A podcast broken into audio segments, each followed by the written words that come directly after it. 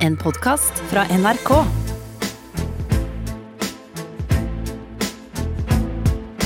Trump mot verden med Gjermund Eriksen og Sean Henrik Matheson. Ah, oh, vi er eh, i kjente trakter, Gjermund. Vi er i høylandet. Bare sånn trekke inn uh, lufta. The great outdoors. Hei, vi i Highlands. Hei, hei, som jo skotter sier. Ja, in, uh, på flere måter. The flowers of Scotland. Flowers of Scotland. Hei. Men ønsk velkommen først, så skal folk skjønne Ja, ja, why this ja. is relevant. Ja, right. I'll do that right away! Og velkommen til Trump mot verden. Jeg heter Sean Henrik Matheson. Gjermund Eriksen, fortsatt eh, i Berlin. Eh, til deg som hører på, eh, det er det alltid hyggelig at du gjør. Vi snakker om Donald Trump og om amerikansk politikk, og det vi gjør, er at vi forklarer det som skjer i USA, gjennom å bruke de samme virkemidlene som brukes i TV-serier og film. I fiksjonen, altså. De brukes også av politikere i USA, og kanskje mest av alt Donald Trump, som den gamle reality-stjerna han er. Det er fredag formiddag. det er den 20 27.11. Det er 53 dager til Donald Trump går av som president. Han har ikke innrømmet nederlag, men gitt klarsignal for at Joe Biden kan starte på overgangen sånn litt skikkelig. Og i går lovte han å flytte ut av Det hvite huset, selv om det kommer til å skje masse frem til 20.1, som han sa, og han har ståltrua på at valgmennene retter opp i denne farsen, for han har ikke tapt, han har vunnet. Men Gjermund, hva gjør vi i The Scottish Highlands? Hei! Vi må kjenne på de kreftene, altså underdog-kreftene. Hvordan det er å være skotsk. Det er jo å være et, under et åk av urimelige krefter og av en eller annen sentralmakt som styrer over deg. Og der er jo Skottland. Så jeg syns vi skal bare ta og begynne i en nåtidsfortelling. Så tror jeg vi bare må høre hva de selv føler og mener. Godt uttrykt gjennom Trainspotting eh, sin eh, tale. Bare hør her. Scottish! The lowest of the low! The scum of the fucking earth! The most wretched, miserable, servile, pathetic trash that was ever shot into civilization! Some people hate the English, I don't. They're just wankers. We, on the other hand, are colonized by wankers. It's a shite state of affairs to be in, Tommy, and all the fresh air in the world won't make any fucking difference. Shite state of affairs! Ja, men her we need bagpipes. Men denne stoltheten som egentlig ligger under her, og det sinnet som kommer til uttrykk i Trainspotting, det kan man se hvis man ser Flowers of Scotland bli spilt, som er en sånn nasjonalhymne som spilles på eh, store fotballkamper og sånn, så ser du at de synger den sangen ganske mye kraftigere enn det vi synger Ja, vi elsker.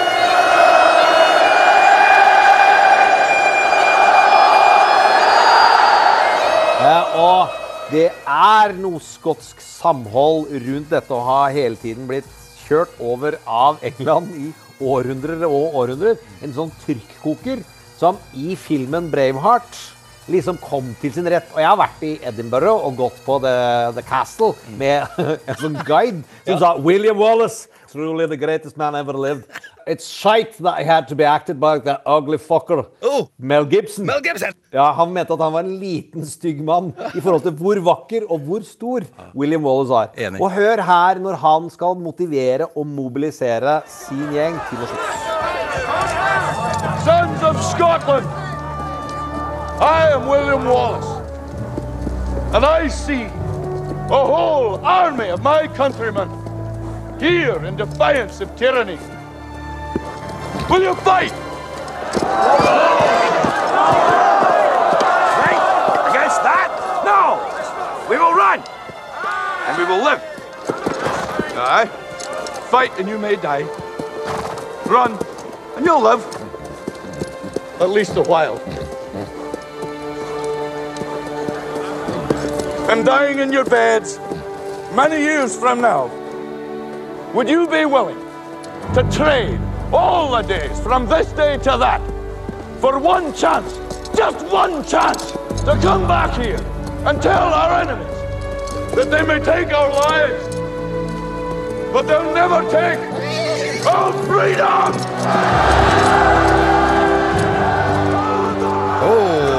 Oh, Gåsehudfølelse, eller Ja. hva det nå heter. Ja.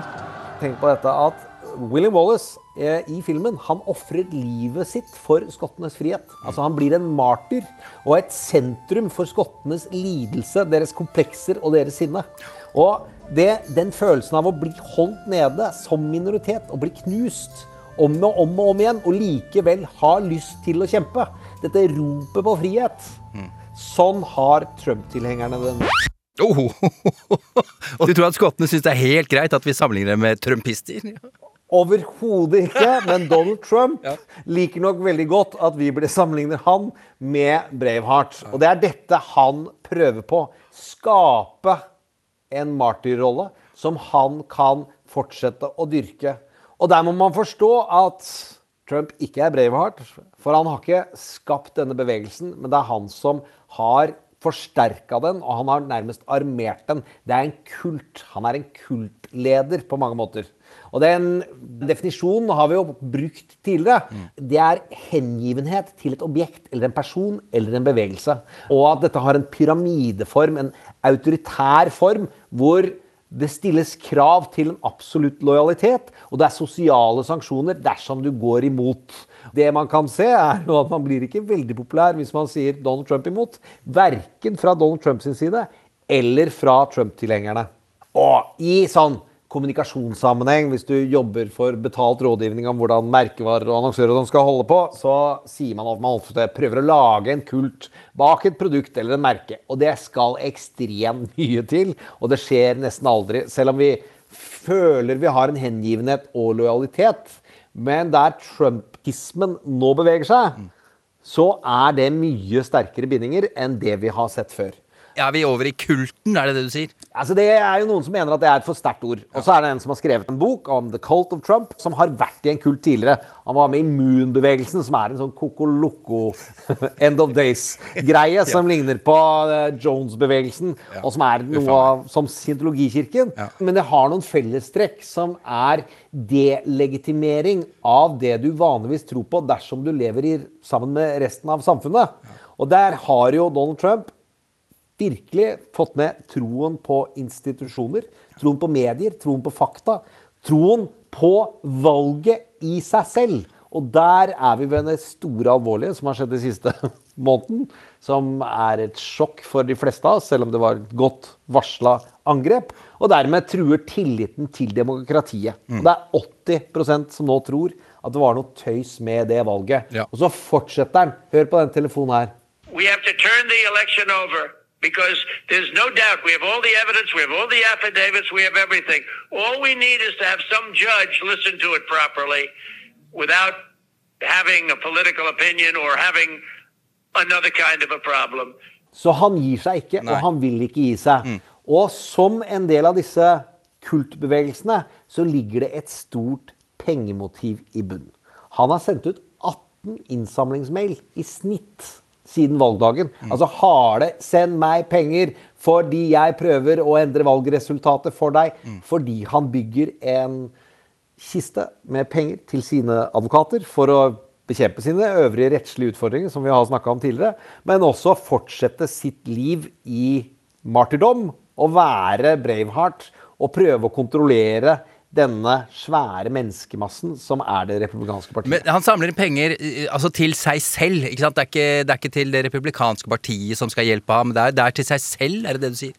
Ja, og det har han gjort en god stund. Uh, klart å skumme det republikanske partiet for penger og satte opp inntektsstrømmene til seg personlig. Og det er den kontrollen som er hans maktbrikke. Og så er spørsmålet hvem som eier hvem. Er det den republikanske basen og trumpismen som han nå har lansert, denne nasjonalpopulistiske strømningen som har innenrikspolitiske og utenrikspolitiske konsekvenser, er det noe han kan binde og kontrollere, eller kan den overtas? Det er det som er spennende framover. Tommy. Vi har ting vi skal snakke om i dag. Vi skal snakke om obstruksjon, obstruction og the missing piece. Oh, the missing piece. Vi skal la den henge litt, han lover å hente den ned snart. Joe Biden han har eh, valgt seg ut eh, flere personer til å fylle viktige stillinger, annet eh, utenriksminister. Og der har han truffet midt i blinken! Skjønte du den, Gjermund? Yes, Ja, den bra. er eh, helt up my alley når det gjelder ordspillvitser. Den er solid. Anthony Blinken heter han. Eh, Og i dag spør vi hvordan er det å, å være amerikansk utenriksminister, og, og hvordan fungerer den amerikanske utenrikstjenesten? Det skal heldigvis ikke vi svare på, Gjermund, men det skal en annen utenriksminister gjøre. Tidligere utenriksminister, selveste Jonas Gahr Støre. Det er sjukt fett.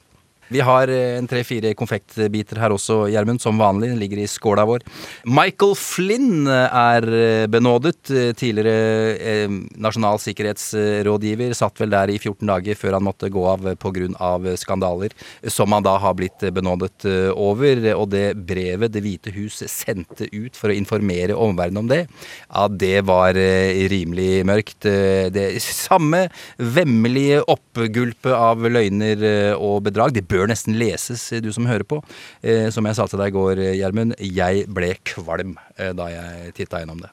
Det er til å bli mørkere da. Det legger vi også ut, så folk kan lese den i det hele tatt. Det egner seg ikke til pod. Nei, det gjør ikke det, dessverre. Donald tvitret denne nyheten, selvfølgelig. It is my great honor to announce that General Michael T. Flynn has been granted a full pardon. Congratulations to Jen Flynn and his wonderful family.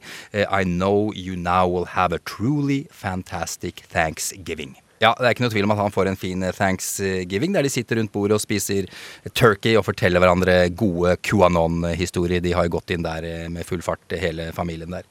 Viktig å huske på, sønnen hans var med å lansere hele greia. Ikke spredningen, men dyrka det fra starten av at det var en pedofilring i kjelleren på en pizzarestaurant i Washington. Kokos Locos Family. Og de har avgitt QAnon-eden på video, hvor de står rundt grillen og sier alt dette er sant, og vi skal fanke som med å jobbe for det. Dette er mørkt, altså. Ja, det er så mørkt. eh, men dette bør også ses. Du finner klippet på, på YouTube. Men benådning er også relevant for den neste godteribiten, Sean. Det vil jeg i hvert fall si. Ja, det er en konfektbit som, som smaker veldig godt. For det er jo ting som sannsynligvis henger veldig over Donald for tida. Det er alle disse rettssakene han må forholde seg til. Med andre ord, han frykter et rettssalsdrama på andre siden av 20. januar. Han har sittet i avhør eh, før. Eh, det vil si han har avgitt forklaring rundt andre rettssaker han har vært involvert i.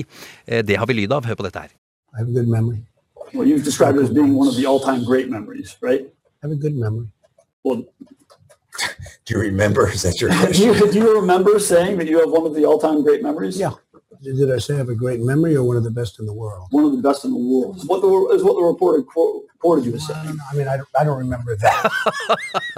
Det var fint! Det var Ja, nydelig. og her må vi bare ta inn litt av kattene.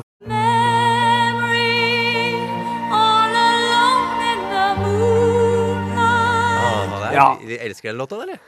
Ja, det er, det, det er vanskelig å følge med på musicalen, og filmen har jeg ikke turt å se. Men Donald Trump han er redd for avhør. Og vi legger ut den samlinga av avhør rundt dette Trump University, som han da måtte sitte. Han valgte da heller å betale 270 millioner kroner enn å teste ut om han var kriminell eller ble erstatningspliktig i den rettssaken. Og Hvis du ser de intervjuene, så skjønner du hvorfor advokatene hans koster så mye. De som han bruker på ordentlig, ikke Rudi Giuliani. og hvorfor de er så livredde for at han skal havne i en vitnesituasjon. Ja, Det er ikke rart. Det altså, som du sa, Rada, universitetet hans eh, ble satt under loopen Trump eh, University, var jo bare en scam, hele greia, eh, viste det seg. Eh, Koch-brødrene, ja, husker du dem kanskje? Multimilliardærer, ble rike på å raffinere olje, det var i hvert fall utgangspunktet. De ga Tea Party-bevegelsen eh, masse, masse penger i gamle dager, dvs. Si rundt 2010 eh, ved kongressvalget, altså mellomvalget da. De har sett seg lei på, på at Obama satt og hadde noe særlig kontroll. Det angrer de dypt på, Gjermund, som de sier. Det ga jo grobunn for at eh, Donald kunne komme til makten mange år uh, seinere. Vi kan jo høre selv hva de sier om det. Well, we, we just screwed up by being partisan rather than approaching it nonpartisan. Who, I mean, if we're going to help elect who, who are going to be champions for these policies that, uh, that empower people so, so they can realize their potential and succeed by helping others succeed? Eh, We screwed up, eh, rett og slett. Eh, jo, ja, det er, går jo an å angre, gjør vel det, Gjermund? Ja, så er spørsmålet om det er angre eller være opportunistisk fordi at strømningen har endret seg dit. Nå skal det sies at de har nok ikke brukt litt penger. Det er de største økonomiske kreftene på republikansk side og har vært i tospann med Fox-kreftene i å kultivere denne republikanske basen og dyrke den kulten. Og så beit det dem i halen med Donald Trump, som de ikke da førte videre den republikanske politikken de sto for, som vi har snakka om før. Så tror jeg likevel at den angrer, altså, fordi øh, det fins krefter inni Koch som i hvert fall Han har brukt utrolig mye penger på å kjøpe seg tilgivelse rundt omkring i New York ved å kjøpe kunst, kultur og markere at vi står for noe annet enn å bore opp all olje i hele verden og få folk til å betale så lite skatt som mulig. It's a shite state of affairs to be in, Og det bringer oss jo over til neste person, som vi ikke får snakka ordentlig om i dag, men som jeg syns har et illustrerende historie. Obama har kommet ut med bok. Jeg har ikke fått hørt den ennå. Eh, Men det gleder jeg meg til. Han har hatt litt mye å gjøre. Men jeg har fått høre en historie fra den boka om miljøforhandlingene i København. Via podkasten Pod Save the World, hvor den ene av medarbeiderne jobba sammen med Obama, og hvor de ikke fikk til noen ting. Og så hadde kineserne samla alle u-landene som en opposisjonskraft til å få til en miljøavtale. Og hvordan Obama og Hillary Clinton og teamet hans jakta på hvor den delegasjonen satt. Og til slutt så sparka Obama opp døra, sier vår kilde. Ja. Og alle de andre blir hivet i bakken av kinesiske sikkerhetsvakter. Hvem alle de andre? Hillary Clinton? Nei, alle teamet rundt. For Ja. jeg har jo et uh, haleheng av koffertbærere. Ja, Men ja. som er- det er et skjellsord som jeg egentlig har litt sansen for, fordi det egentlig har masse respekt i seg. Ja. Fordi det, rådgivere har veldig mye å si. Og dyktige rådgiverne blei bare hivet i bakken av kinesiske sikkerhetsrådgiver. som om de var kriminelle. Og så snakker, eh, snakker han og Tommy Whitor om hvor Ja, det var ordentlig, de var ordentlig hardhendte. Ja, det var ille. Ja, men det er ikke i nærheten av våre. Altså, av det amerikanske sikkerhetsvakter Hvis noen er i nærheten av å sparke inn en dør fordi de vil snakke med amerikanerne, så er du i håndjern og på veien ut i en bil før du får sagt vørtekake. Som de sa, det har også skjedd. Uansett, Jonas Gahr Støre skal jo komme, og hvordan han har opplevd utenrikstjeneste, tror jeg eh, blir moro å høre at amerikanere kanskje ikke bare er eh, de varme ordene hele Ja, jeg gleder meg veldig til det, Gjermund. Men før det så skal vi til ja, The Missing Piece. Ja, og vi må tilbake til Scotland, og kanskje det absolutt viktigste skotske kunstverket gjennom tidene, komponert av eh, Rod Stewart.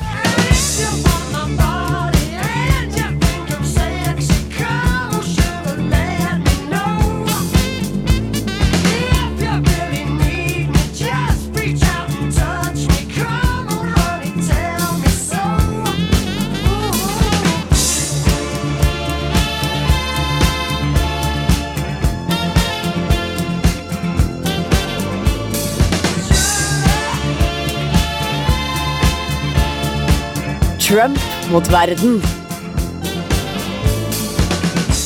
Ja, det er det 20. århundrets Robert Burns, det der. vi må aldri Oh, glemme that's a good, that's a good joke, my friend. That's a, That's a good joke. Thank you, thank you very much. Eh, må ikke glemme Rod eh, Stewart. Eh, vi skal til en legendarisk karakter i amerikansk politikk. Newt Gingrich, republikaner.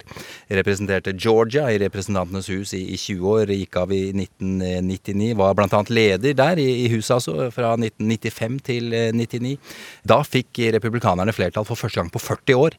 Og Gingrich ble utnevnt til Man of the Year av Time Magazine for å ha vært med på å få slutt på det demokratiske flertallet. Som sjef i USA hadde han ansvaret for en haug av viktig politikk, velferdsreformer, skattereformer annet. Men han er også kjent eh, som en som hadde ansvaret for flere government shutdowns. Eh, Et fenomen som gjør at hele USA stopper opp, eh, nesten i hvert fall, eh, og det har skjedd oftere og oftere de siste ti åra. Newt gikk dit flere ganger.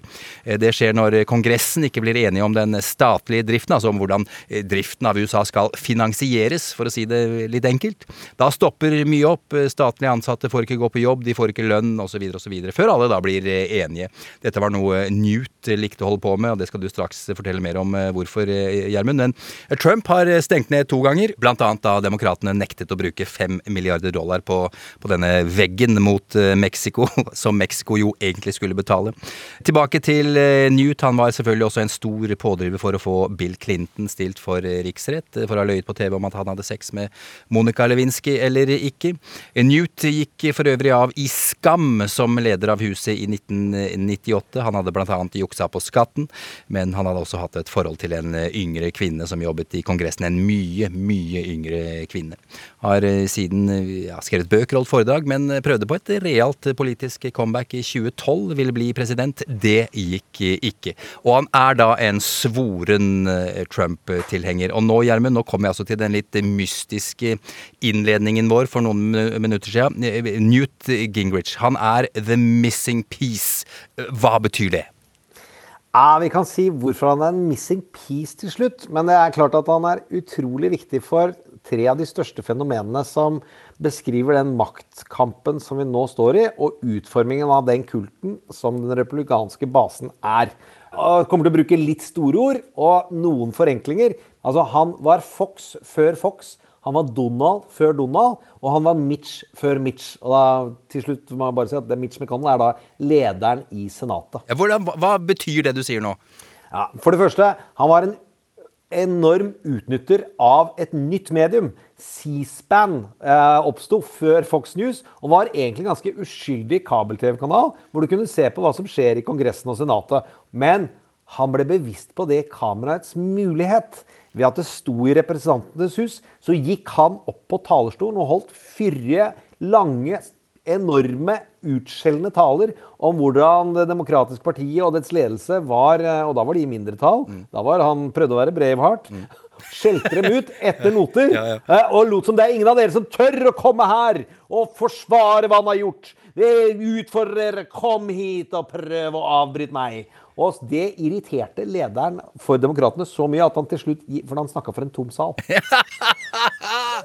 det er ja, sykt! Det var en enorm, enorm bløff. Og så kommer han lederen, snur kameraet og sier det er ingen som sitter her. Det er bare ljug, det du sier. Men da visste Newt at det var det han ønsket. Han ville at lederen for Det demokratiske partiet skulle komme og markere seg sånn, for da sier han du respekterer ikke regler. Du er akkurat så korrupt som jeg har sagt hele tiden! Og gjennom å utnytte det mediet, så kom han da opp i toppen av Det republikanske partiet. Og det er det ved at han var Fox før Fox.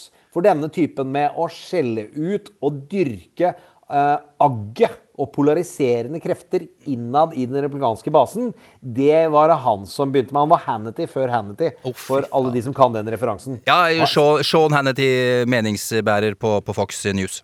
Så Donald før Donald er jo akkurat denne evnen til å ljuge, manipulere og bruke et medie. og i samme hvem som tar deg for at du faktisk løy. Eh, fordi han skal bruke det politisk. Han var jo Opprinnelig ville han jo bli historiker. Eh, det fikk han ikke til, for han hadde visstnok ikke så lang attention span som det kreves for å sette seg ned og skrive lange historiebøker. Det har ikke jeg heller sånn. ikke heller. Så det skal vi ikke snakke så dritt om. Men det å komme seg inn i Kongressen og prøve å utnytte polariserende krefter, det fikk han til. Og så har vi det med Mitch før Mitch. Det er jo at han begynte å blokkere og gå for massiv, kompromissløs motstand av ethvert demokratisk forslag. Det han gjorde mot Bill Clinton, å kjempe ned og stille til riksrettssak på det som var en privatskandale, ja, men ikke nødvendigvis politisk, mente i hvert fall uh, verden, omverden i ettertid. Uh, det var så mye motstand at til slutt så gikk det ikke. Nei. Ja, hva mener du? Det gikk ikke? Hva gikk ikke? Altså, Han fikk sparken. For ja. på den tiden så hadde ikke basen blitt utvikla og armert såpass eh, at han kunne overleve som lederen av det republikanske partiet i Representantenes hus. Det straffet seg for mye lokalt hos enkeltrepresentantene at de aldri søkte løsninger. Så han ble bytta ut. Så kom det annen ledelse i eh, Representantenes hus fra republikanernes side. Søkte løsninger med Bill Clinton, og stor overraskelse så vant Bush. Gjennom egentlig de siste årene så var republikanerne med å skape resultater for Bill Clinton. Mm. Men det skjer ikke lenger. Nei, det, det... Obstruksjonismen det har jo Mitch McConnell erklært fra den dagen Obama ble valgt at jeg skal gjøre alt jeg kan for at han blir en one term president. Og har scoret høyt og godt på det. Ikke fått den straffen som Newt fikk. Ja, men Gjermund fader, vi har jo, vi har jo uh, solgt, solgt inn Newt som the missing piece. Uh, hvorfor gjorde vi det?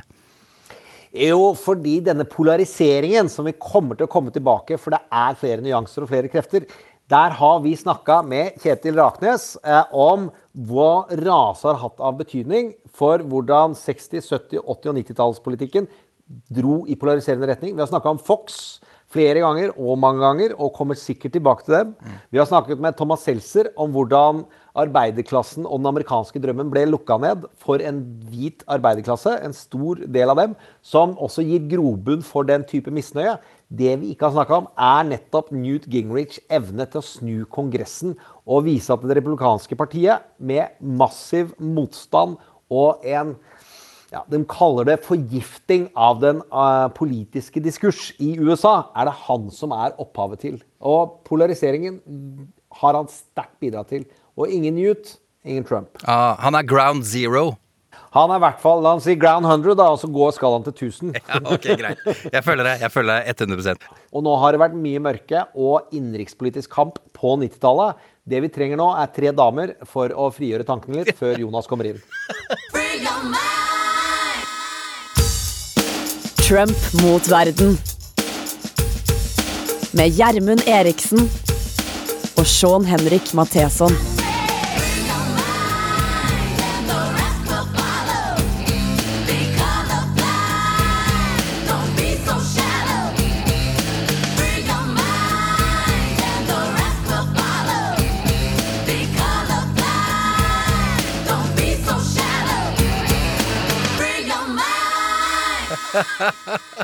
Det er en stor glede å ønske deg velkommen, Jonas Gahr Støre. Jeg er veldig glad. Jeg syns det er hyggelig å bli invitert. Jeg hadde gått og ventet litt på den invitasjonen, og når den kom, så ble jeg veldig glad. Å, det var godt å høre, og ikke minst eh, veldig stas. Og ja, jeg veit vi har venta altfor lenge, Jonas, men, men, nå er vi her. Leder av Arbeiderpartiet, vært eh, toppolitiker eh, i, i, mange år.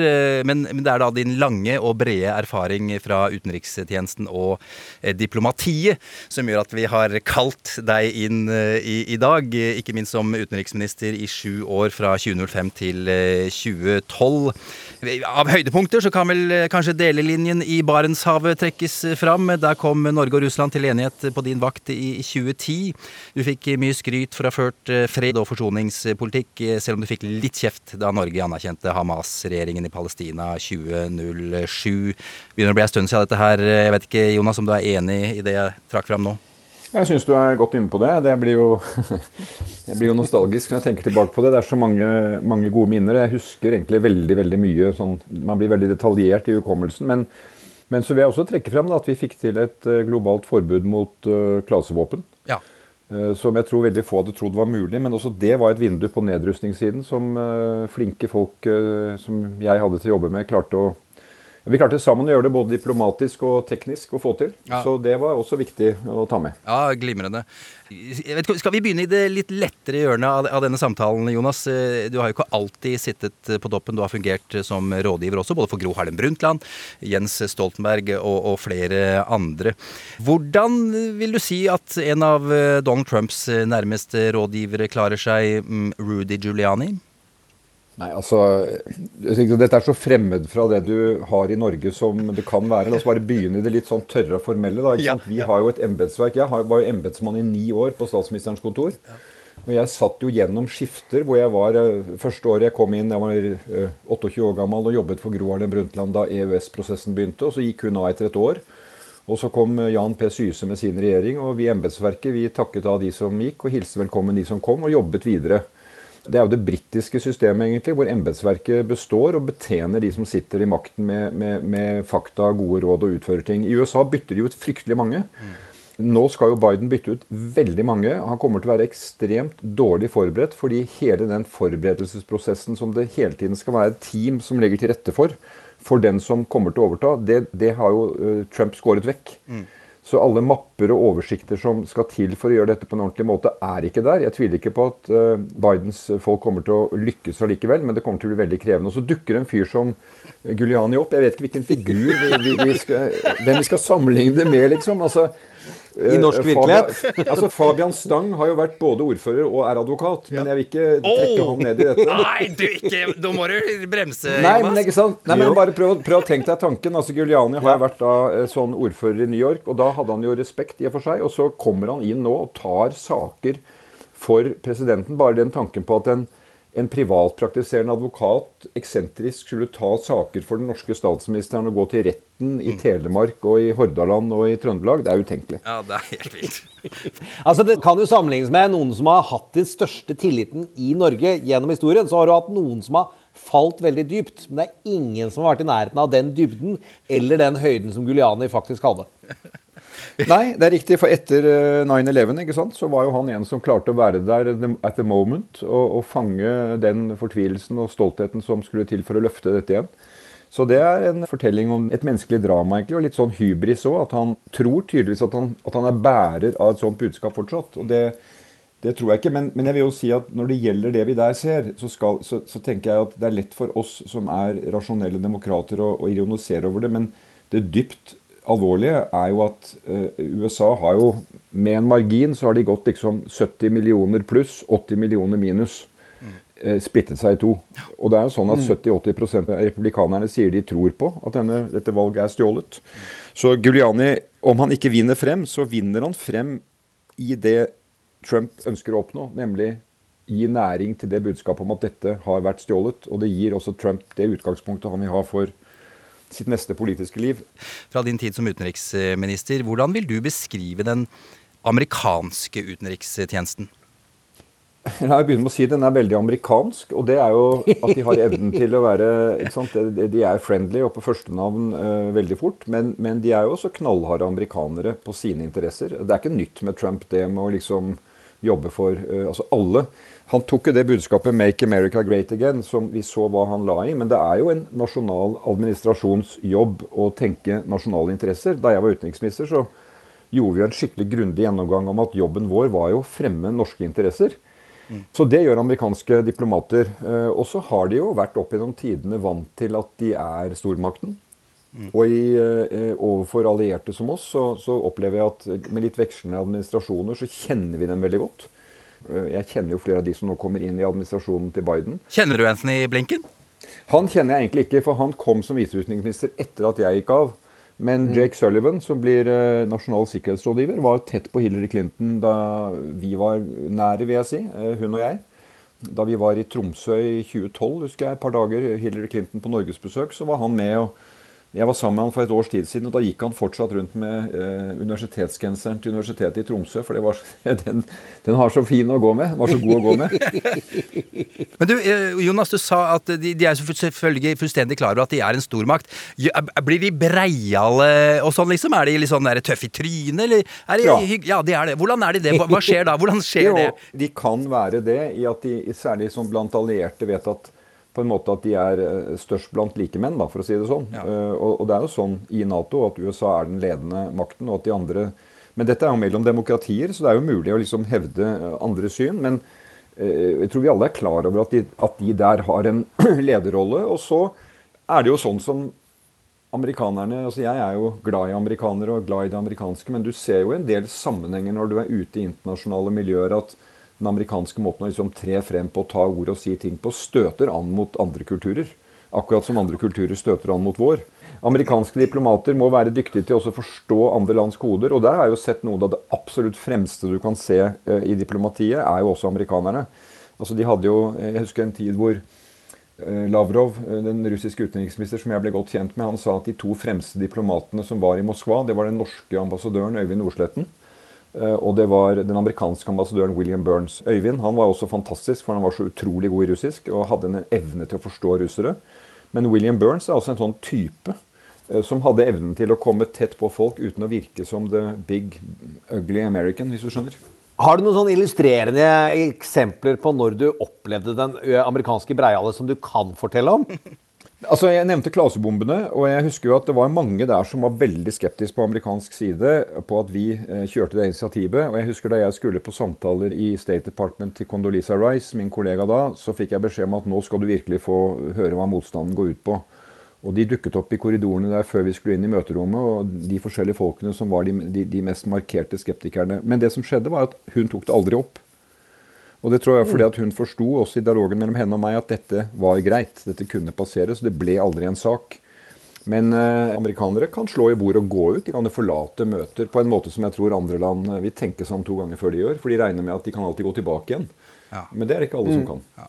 Vi fortalte i innledningen her en liten historie om Obama i miljøforhandlingene i København. Hvordan de sparka opp døra til kineserne og krevde at nå sitter vi her og snakker. Eh, har du opplevd noe sånt? Ja, den scenen der er jo, blitt, er jo blitt kjent, men igjen så er det slik at amerikanere kan gjøre det. Det kan du også oppleve med at tyskere og franskmenn gjør i Europa, i EU-sammenhenger. Hvis, de føler seg liksom at de har selvtillit nok til liksom å gå inn og, og, og, og, trykke på. Utfordringen for USA på klimafronten er jo at de har mistet så mye autoritet, særlig nå de siste årene. Så hvordan de nå skal komme seg tilbake dit med John Kerry, eh, og komme inn og bli respektert som en rundt bordet, det er en stor diplomatisk oppgave for han. Ja, Det skal vi komme tilbake til, eh, Jonas. Eh, Men hvis vi går tilbake til, eh, til utenriksminister Anthony Blinken. Du kjenner ham ikke, men, men hva vet du om ham? Ja, altså, det er jo da en, en litt sånn klassisk eh, type, vil jeg si, for amerikansk utenrikstjeneste. Han har jo alle de høyere utdanningene fra Columbia og Harvard. Han, helt siden Thomas Jefferson, som var ambassadør i Paris, snakket fransk, så har dette med å Pardon my French, altså det å snakke fransk i den amerikanske utenrikstjenesten er jo et uttrykk for at du er en dyktig diplomat og kan ta deg rundt. Men det er også blitt liksom fått et sånn brand for at du er liksom litt uh, snobbete. Jeg har jo hørt det selv. etter å ha vært utdannet Ja, jeg venta på at Ja. du skal si det! Ja, du snakker ja. jo fransk. Du har gått på skole, du også, i, studerte i Paris. Jeg har studert i Paris, Ja. eh, men altså, det var jo lenge et ledende diplomatisk språk. slik at det at uh, Jefferson kunne fransk og kunne håndtere Frankrike, var jo viktig tidlig på 1800-tallet da han var president. Men Blinken har alt det. Og han har tjent under Obama og tjent under uh, Kerry. eh, han har tjent under eh, Biden. Så han er, en, han er sånn sett en kar liberal karrierediplomat. Og vi kjenner veldig godt hans generasjon og hans kultur.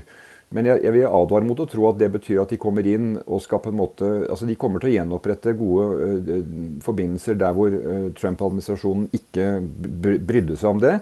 Men de kommer til å være tøffe på vegne av amerikanske interesser. Det er de alltid. og det tror man gjør veldig feil i å tro at bare fordi Biden har sin myke form når han skal tale på thanksgiving, så tror jeg at eh, Blinken og de andre kommer til å være tøffe på å forsvare amerikanske interesser. Men, tilliten til USA har jo fått seg en, en ordentlig knekk de siste åra. Det har vært vanskelig å stole på dem, og de har brutt avtaler, trukket seg fra avtaler og sagt mer eller mindre direkte at det er ikke sikkert at vi stiller opp for allierte lenger, bare så dere veit det.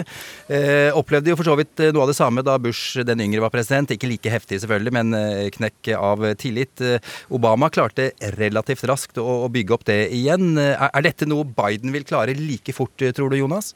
Det er aldri mulig å bygge ting opp igjen. Akkurat som jeg aldri liker ordet 'reversere' i politikken. For du skal ikke tilbake der du var. Så jeg, jeg tror ikke Biden skal tilbake igjen til 2015-2016.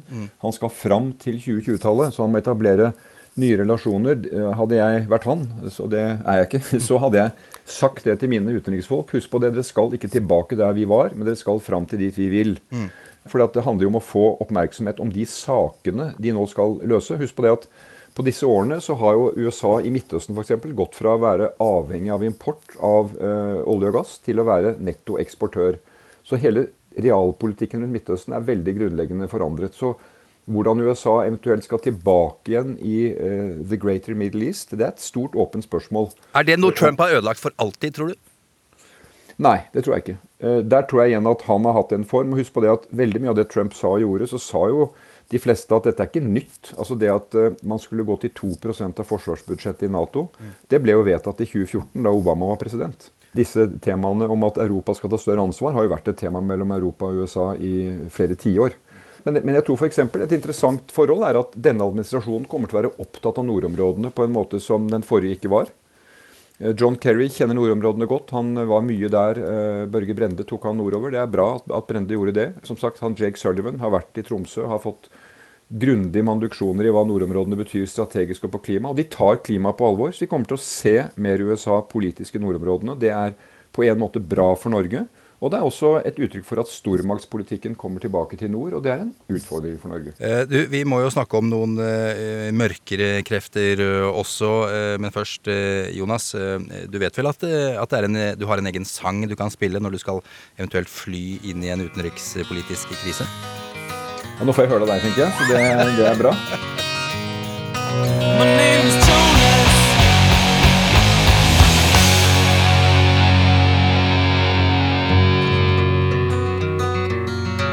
Trump mot verden.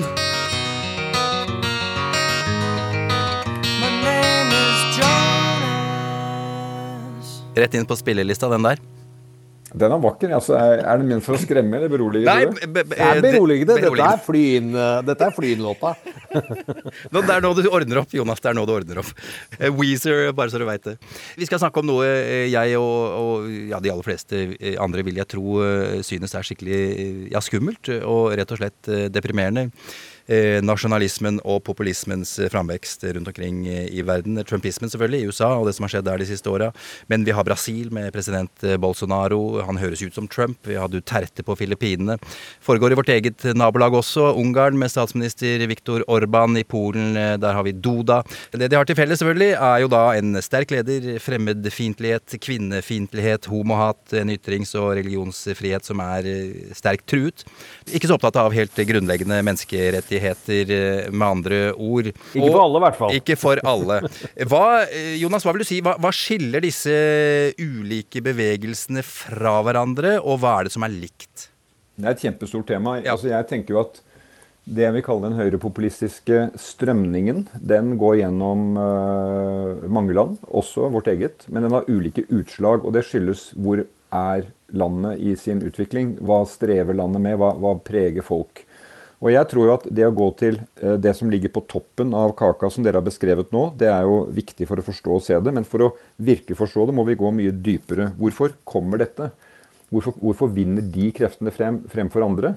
Når det kommer til uttrykk at, at folks opplevelse av at demokrati ikke leverer på det som er viktig for dem, arbeid, eh, trygghet for helse, trygghet for alderdom, trygghet for at boligområdet deres blir pusset opp og er ordentlig, eh, trygghet for at ikke innvandring eh, ødelegger lokalmiljø med kriminalitet i de tilfellene gjør det, så mister demokratiet og de som da er de etablerte partiene eh, troverdighet. Og da er det fertile ground, som de sier på amerikansk. ikke sant? Da er det god, dyrkbar mark for å komme med disse enkle ideene. Identitetspolitikk. Det er vi og dem, eh, oss og de andre. Nå beskriver jo dere det som skjer akkurat nå, men jeg mener jo at her er det tilbake igjen til mellomkrigstiden. Elendigheten som rådde i land der. Hitler kom ikke i 2021. ikke sant? Han kom på slutten av 20-tallet, inn på 30-tallet, etter at du hadde fått knadde opp det tyske samfunnet i krise. Ja. Og etter at han uh, tapte et valg. Og prøvde på et kupp. og et mislykket kupp. måte, Bare for å på en måte men ikke sant, eh, igjen så er eh, noen og 70 millioner mennesker stemte fortsatt for Trump Mm. denne gangen, og opplever at eh, Jeg husker jeg var i USA i 2016 hvor jeg snakket med folk som sa at ingen av de partiene representerer meg. Verken Trump eller Clinton, republikanere eller demokrater. Det er penger som teller. Jeg har ikke penger. Jeg har ikke politikere som snakker for meg. Så vi må følge med på dette og lære av det. Og vi som er politikere i Norge, må ta det tilbake igjen til vår virkelighet. Men denne nasjonalpopulismen som har, ja, han har ulike kransekaketopper, og så har han noen nyanser av hva som skjer i de strømningene, den prøver jo å bryte ned internasjonal samhandel. Slik Donald Trump har prøvd å dyrke fram nasjonalpopulistiske krefter og personer i Europa og rundt omkring i verden. Hva kan USA gjøre for å demme opp denne utviklingen? Er det en rolle de kan spille, eller skal de bare prøve å ikke mases for mye med disse landene? Altså det som, en av feilene er jo det at Trumps veldig insistering på at uh, det er øh, Kina og internasjonal handel som har tatt jobber fra Midtvesten og fra uh, rustbeltet. Uh, jeg mener det er en veldig diskutabel påstand. Eh, de som har forsket på det, sier at det er vel så mye ny teknologi og teknologiske endringer som har ført til at de eh, delene har, eh, av USA har kommet til det uføret de har gjort. Og så har jo på en måte eh, Kina ligget lenger fremme med teknologi, og også med lavkostland. Men i dagens verden så ser vi jo at lavkost spiller mindre rolle, fordi industrien blir så avansert. Så da er det spørsmål hvilke land er det som har kvalifiserte folk, som utdanner folk eh, i bunn, gir dem etter- og videreutdanning, eh, satser på forskning. Norge har mulighet til å bli en enda viktigere industrinasjon fordi industrien er avansert, og vi har avanserte folk i industrien. Så Det er jo dit USA må. og Da er det feil å trekke seg ut av WHO, Parisavtalen, eh, ikke stille opp i Verdens handelsorganisasjon. Verden er så gjensidig avhengig at vi må ha internasjonale samarbeidsløsninger, kanaler til å ta opp ting og løse tvister. Det tror jeg USA under Biden vil komme tilbake i. De kommer tilbake i ordningene, men de kommer til å møte dem knallhardt. F.eks. i Verdens handelsorganisasjon løser jo tvister. Og det å møte USA der, det er ikke noen eh, dans på roser. For de vil da slåss knallhardt for amerikanske interesser. Ikke så mye mot Norge, men mot, eh, mot Kina og Asia. Hva er best case scenario de neste fem årene, hvis vi kan prøve å snakke litt om det? Nei, altså Best case er jo det at i alle fall så tar du brodden av sånne voksende konflikter som blir sluppet løs uh, av mye av det Trump gjorde, fordi du slipper ting. Det lærer man jo både på skolen og i praksis i utenrikspolitikken, at vakuum finnes ikke, de fylles. Trekker noen seg ut, så kommer andre inn. Andre land, andre krefter, andre tankemåter. Og jeg mener jo at USA har vært viktig. På godt og vondt så har de på en måte insistert på at det skal være demokrati, det skal være eh, handel, det skal være åpne kanaler. Det er jo paradoks nå at det er Xi Jinping som står og holder foredrag om at du skal ha ordnet frihandel startpunktet er at vi får i gang det internasjonale samarbeidet, de internasjonale organisasjonene.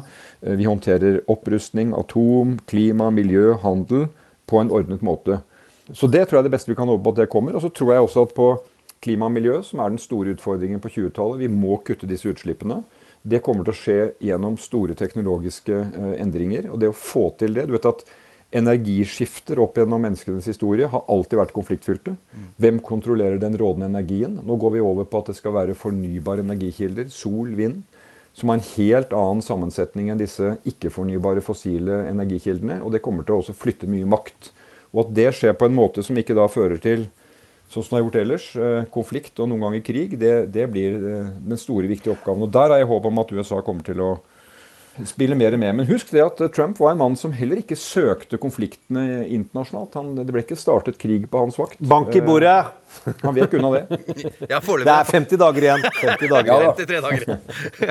Worst case Jonas, hva, hva, kan det være? Altså jeg mener Worst case er krig, og det skjer jo i verden i dag. Altså vi er vitne til, eh, Jeg husker for et år siden så hadde vi jo nobelprisvinneren i Oslo. Eh, fra Etiopia, statsministeren, og nå går han til frontalangrep internt i sitt eget land. Jeg skal ikke dele ut kort på det, men det, det sier liksom Altså, Krig er det verste, for det, det, er ødeleggende for folk. Det dreper folk, og det ødelegger livsgrunnlag, og det ødelegger for mange generasjoner frem i tid. Det neste etter det er jo det at vi ikke klarer å løse de utfordringene som et voksende antall mennesker i verden representerer. Sult, det er fredsprisen i år. Eh, det er ille hver dag. Det er jo en tragedie hver eneste dag. Flere hundre millioner som legger seg sultne. Og så er det dette med eh, klima. Vi har muligheten, faktisk stor mulighet til å kunne utvikle en økonom, verdensøkonomi hvor det er nok energi til at vi også kan bekjempe fattigdom og, og leve videre uten at vi ødelegger atmosfæren. Mm. Og det verste er at det eh, kommer ut av kontroll, at det bikker over. Og det, det, er en reell trussel som er det viktigste vi må ta tak i. En ting som det sies mye, uh, er jo at uh, det er veldig personavhengig på toppen av disse utenrikspolitiske satsingene. Uh, det at John Kerry fikk ansvaret på miljø, hvor viktig markering er det egentlig? Ja, Det er et godt spørsmål. Altså, jeg husker Fra mine studier så var dette et av de temaene da jeg studerte statsvitenskap i Paris tidlig på 90-tallet. Det var hvor viktig er de personlige relasjonene i mm. politikken. Og da hadde de i Frankrike denne historien mellom Helmut Schmidt, den uh, tyske kansleren, og Giscard d'Estaing, den franske presidenten. De var ulike politiske partier, men de var veldig nært uh, personlig. Og standardsvaret på det var at sånne relasjoner teller, men interesser avgjør. Så Det er viktig for uh, det, det imaget og den atmosfæren du skaper, men i bunn ligger de interessene du skal forsvare. Så det med John Kerry eh, Ja, hils han velkommen og syns at det er bra, fordi vi vet han kan klima og er erfaren. Men det er jo litt preget etter Biden-teamet at det er veldig mange kjente fjes. Og man kunne spørre seg også trenger man ikke også nye. Altså nye generasjoner, nye folk. Jeg er opptatt av at det er også en så erfaren mann som Biden, som er kommet langt opp i, i årene, må også vise at han kan få fram nye generasjoner. Og er du skuffa, over at det er så få nye folk, Jonas? Litt. Ja. For, jeg, for, fordi at, du vet at USA er så enormt rik på talenter og flinke folk. og men vi får se. Det er praksisen som teller, men eh, det er viktig å slippe Jeg lurer på om strategien der, det kan jo kanskje du mene noe om også, er at for å få de første gjennom i Senatet, så har de første utnevnelsene vært veldig tradisjonelle, tunge personligheter med stor troverdighet, selv hos republikanske senatorer, så de blir godkjent. Det er den ene siden av det, lurer jeg på. Den andre er at ved å sette Kerry, en sentrist, på det progressive feltet miljø, som er ekstremt viktig for basen i Det demokratiske partiet, så står miljøsaken utrolig sterkt. Og for å kunne mobilisere, så tror jeg det var viktig å sette han eh, som en tung aktør og vise at de, den basen blir tatt på alvor. Jeg er enig i alt du sier der, men jeg vil stille spørsmålet andre veien. Burde du valgt en mindre progressiv person for eh, klima og miljø? For det viktigste på den saken er faktisk ikke å overbevise de progressive i Det demokratiske partiet, men det er å klare å bygge ting over midtgangen i Kongressen. Kerry mener jo, eh, kan vi si litt forenklet, alt det riktige på klima og miljø. Men han vekker jo også voldsomme motkrefter eh, hos de som mener at dette tar livet av amerikansk eh, industri osv. Altså, der var jo John McCain utrolig viktig. Noe av det første jeg møtte som utenriksminister, var John McCain i en diskusjon om klima i den amerikanske kongressen. Og så hans engasjement som senator, republikansk senator for klima. Det var veldig viktig. Han var jo progressiv på det temaet. Og hadde mye større kan du si, gjennomslag og impact i amerikansk samfunnsdebatt enn en som fra før av var assosiert med akkurat de standpunktene. I din levetid, du, Jonas, hva, hva, er det, hva, er det, vakreste øyeblikket fra amerikansk politikk? og jeg, altså, Alle oss som er glad i politikk, syns jo at amerikanerne for å si sånn, de er gode i engelsk. Det er mange av talene ikke sant, som vi, vi som både hører og holder taler, syns er spennende å høre på, og, og, som klarer å virkelig vinne hjertene. Så disse talene som kommer på konventer, eh, Obama eh, osv. Og, og så tenker jeg jo at jeg tror vi nordmenn tenker at den avtalen som ble signert eh, på Den hvite hus i 1993, Oslo-avtalen, det var et det var en kombinasjon av hva Norge kunne få til samarbeid med USA. Og så har jo den avtalen smektet etter det. Men det skyldes jo ikke bare Norge og USA. Men uh, noen store øyeblikk uh, ligger der. Men jeg tenker at uh, jeg tror Obama fanger mye av det som har gjort mest inntrykk på meg da, i, i, i min levetid. My parents shared not only an improbable love, they shared an abiding faith in the possibilities of this nation. They would give me an African name, Barack or Blessed believing that in a tolerant America, your name is no barrier to success. Fun fact for Obama-fetisjister. Hvor mange ganger har du møtt Barack Obama? Og en del ganger. Eh, da vi representerte Norge i FN, ja. Eh, Fem-ti ganger, eh, kanskje. Eh, mest tettest var det da var det døgnet han var her under Nobelprisen. Da hadde vi jo sånn ordentlig gode, nære samtaler med han. Så på internasjonale konferanser og på, under FN-konferanser også, hvor han var tilgjengelig.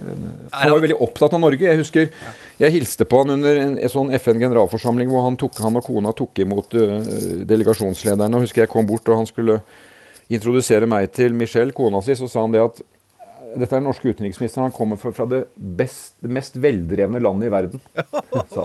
Ble du glad da, eller? Ja, jeg tenkte at det, det, skal ikke bare vi ta på vår konto, men det er noe som går Nei, tilbake til en, en lang norsk politisk tradisjon. Er, det, er han en skikkelig altså, hyggelig fyr?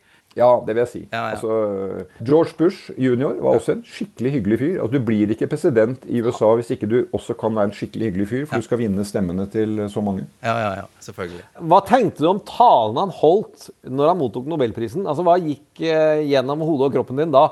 Jeg ble mektig imponert over de, det kraftverket av noen ord som ble prestert. Hva tenkte du?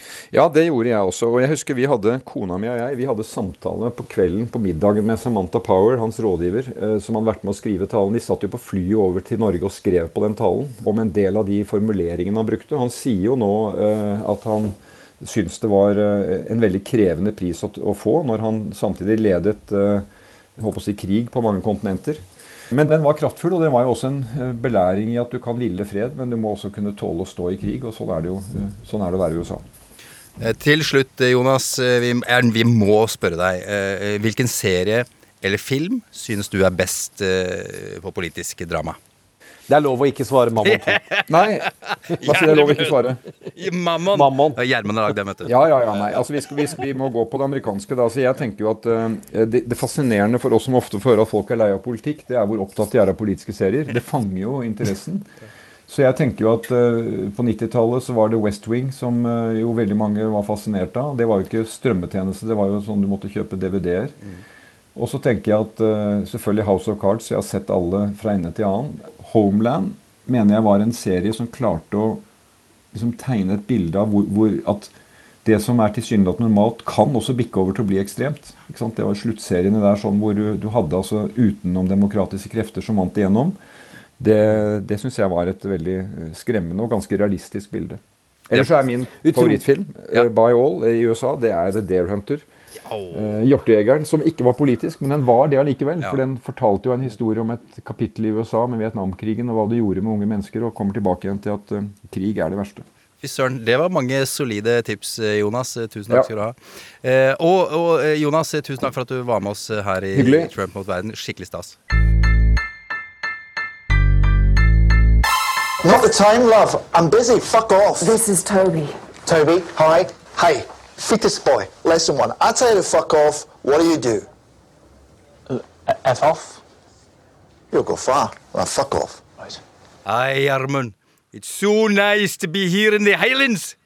Yes, we can hang here forever. Aye. And all we have to say is find us on Facebook and share our episodes with wee lads and lasses uh, and uh, join us for our walk. How long shall we walk, Sean, in these until next week? 500 miles!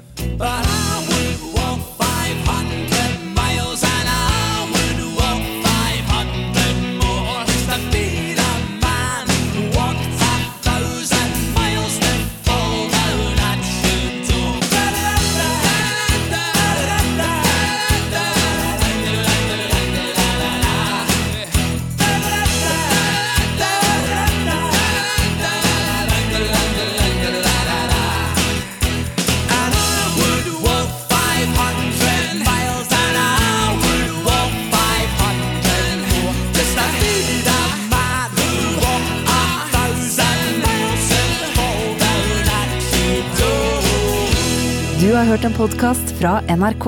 Hør flere podkaster og din NRK-kanal i appen NRK Radio. If I was asked, who do you think will win this election? My answer would be, hopefully, Scotland.